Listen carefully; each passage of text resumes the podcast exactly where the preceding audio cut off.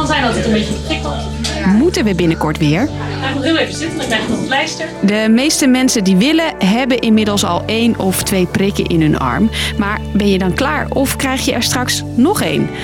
Terwijl op het hele continent Afrika nog geen 2% van de bevolking überhaupt één prik heeft gehad, laat staan een tweede, hebben veel landen het nu over. A third booster shot. dritten Impfung. Een derde inenting tegen het coronavirus. Ik ben Hilde en ik leg je de voor's en tegens van die derde prik uit. Lang verhaal kort. Een podcast van NOS op 3 en 3FM. Dit horen we al een hele tijd. De weg uit deze crisis is vaccinatie. Prikken, prikken, prikken. Inmiddels heeft bijna 85% van de Nederlanders dat gedaan. Dus zou je denken. Maar hebben we te vroeg gejuicht? De werking van de vaccins wordt uitgedrukt in procenten. Dat heb je vast voorbij horen komen. Zo beschermt Pfizer 95% van de gevaccineerden na twee prikken tegen ernstige ziekten. Maar die vaccins zijn ontwikkeld op basis van die eerste coronavariant. En tegen de nieuwe, overheersende Delta-variant werken ze net wat minder goed, blijkt nu uit eerste onderzoek.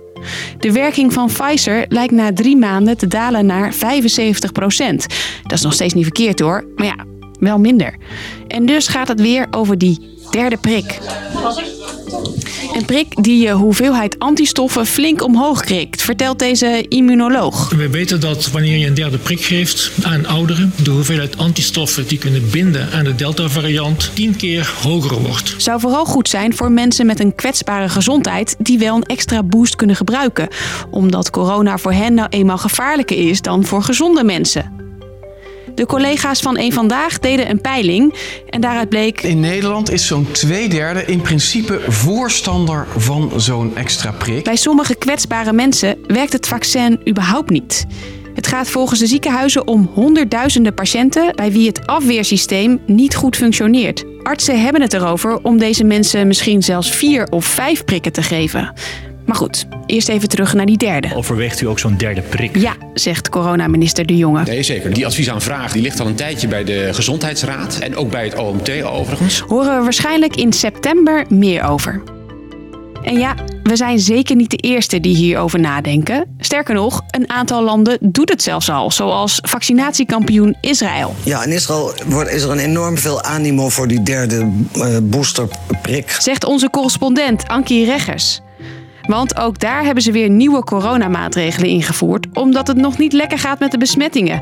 En dus staan Israëli's te springen om die prik. Er staan echt rijen te wachten. En dat gaat dus nu dus over de wat oudere bevolking van boven de 60. Of bijvoorbeeld ik zelf ben twee keer gevaccineerd al in afgelopen december. Dus ik kom ook in aanmerking. Ik heb inderdaad ook die boosterprik gehad. Ook in Groot-Brittannië en Hongarije lopen ze voor met zo'n derde prik. Hongarije is een van de snelst vaccinerende landen van de EU. Dat komt omdat zij naast de door Europa goedgekeurde vaccins ook prikken uit China en Rusland gebruiken.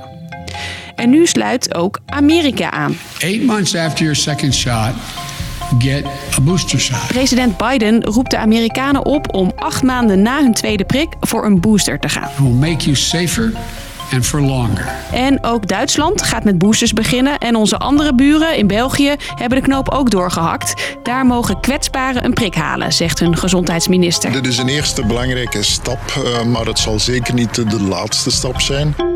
Wie die stap niet ziet zitten, is deze man. I understand the concern of all governments to protect their people from the Delta variant. De baas van de Wereldgezondheidsorganisatie WHO. Het moet eerlijker, zegt hij. We need an urgent reversal from the majority of vaccines going to high-income countries to the majority going to low-income countries. Want ik zei het eerder al, in veel arme landen is er nog bijna niet gevaccineerd. Zoals in veel landen in Afrika, vertelt onze correspondent. En veel landen smachten naar donaties uit het Westen.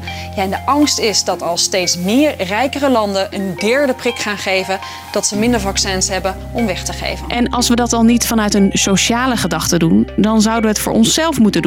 Om te voorkomen dat er meer varianten ontstaan, zeggen sommigen. Maar. De kans op varianten is het hoogst daar waar het meeste virus in de bevolking is. Zegt deze immunoloog. Dat is toch met name in het Westen. Het is dus de afweging. Gaan we de vaccins eerlijker verdelen of zetten we ze in waar de meeste besmettingen zijn? Dus, lang verhaal kort. De derde prik, of de boosterprik, veel landen zetten hem in om hun bevolking nog wat beter te beschermen. Vooral voor mensen die al iets onder de leden hebben of wat ouder zijn, kan het helpen om extra antistoffen te krijgen. En of wij er straks ook aan moeten geloven, dat is nog even een paar weken afwachten. Waar je maar een dagje op hoeft te wachten, de volgende aflevering van Lang Verhaal Kort. Morgen rond vijven is hij hier alweer. Bedankt voor het luisteren.